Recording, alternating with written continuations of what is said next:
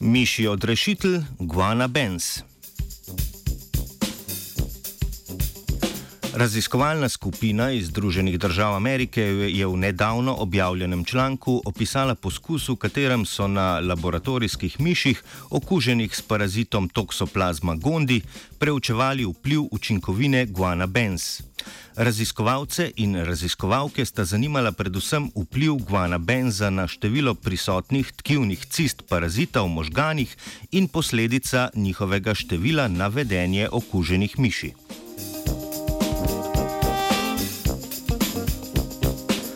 Toksoplazma gondi je globalno razširjen zonotraj celični parazit, ki okužuje toplokrvne živali. Z njim naj bi bila okužena približno tretjina človeštva. Parazitska okužba je lahko ekstremno nevarna pri prenosu okužbe z matere na otroka med nosečnostjo in v primeru drastičnega upada učinkovitosti delovanja imunskega sistema.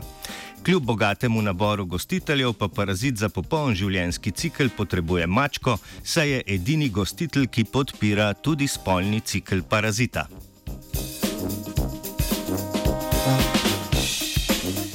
Okužba je trajna, saj se pomnoževalna oblika parazita, imenovana tahizoid, v gostiteljevem tkivu pretvori v latentno obliko, torej v tkivne ciste, imenovane bradizoiti. Bradizoiti se nahajajo v celotnem organizmu gostitelja, primarno pa se naselijo v nevronih v centralnem žilčnem sistemu. Uspešno se izmikajo imunskemu sistemu gostitelja in niso občutljivi na številne zdravilne učinkovine. Prisotnost parazitskih cist oziroma bradizoitov torej ovira zdravljenje in vodi do kronične okužbe. Pri ljudeh lahko vodi do nevroloških bolezni, pri glodavcih pa se kaže v obliki vedenskih sprememb, med drugim tudi v hiperaktivnosti in zmanjšanem strahu pred mačkami. Pojav vedenskih sprememb in odgovor na vprašanje, ali jih more biti povzroča parazit ali pa so le odraz odziva imunskega sistema na okužbo, še nista v celoti pojasnjena.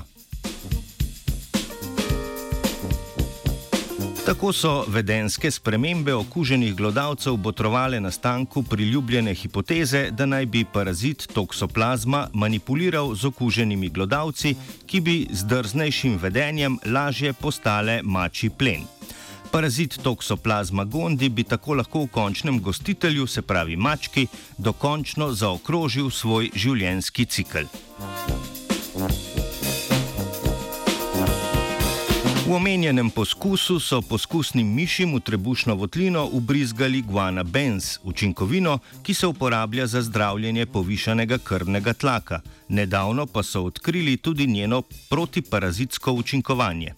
Pri raziskavi so uporabili dva različna seva laboratorijskih mišk.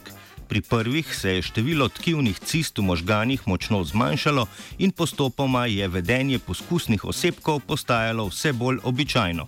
V drugem sevu laboratorijskih mišk število cist ni upadlo, vedenje poskusnih osebkov pa se je kljub temu začelo normalizirati.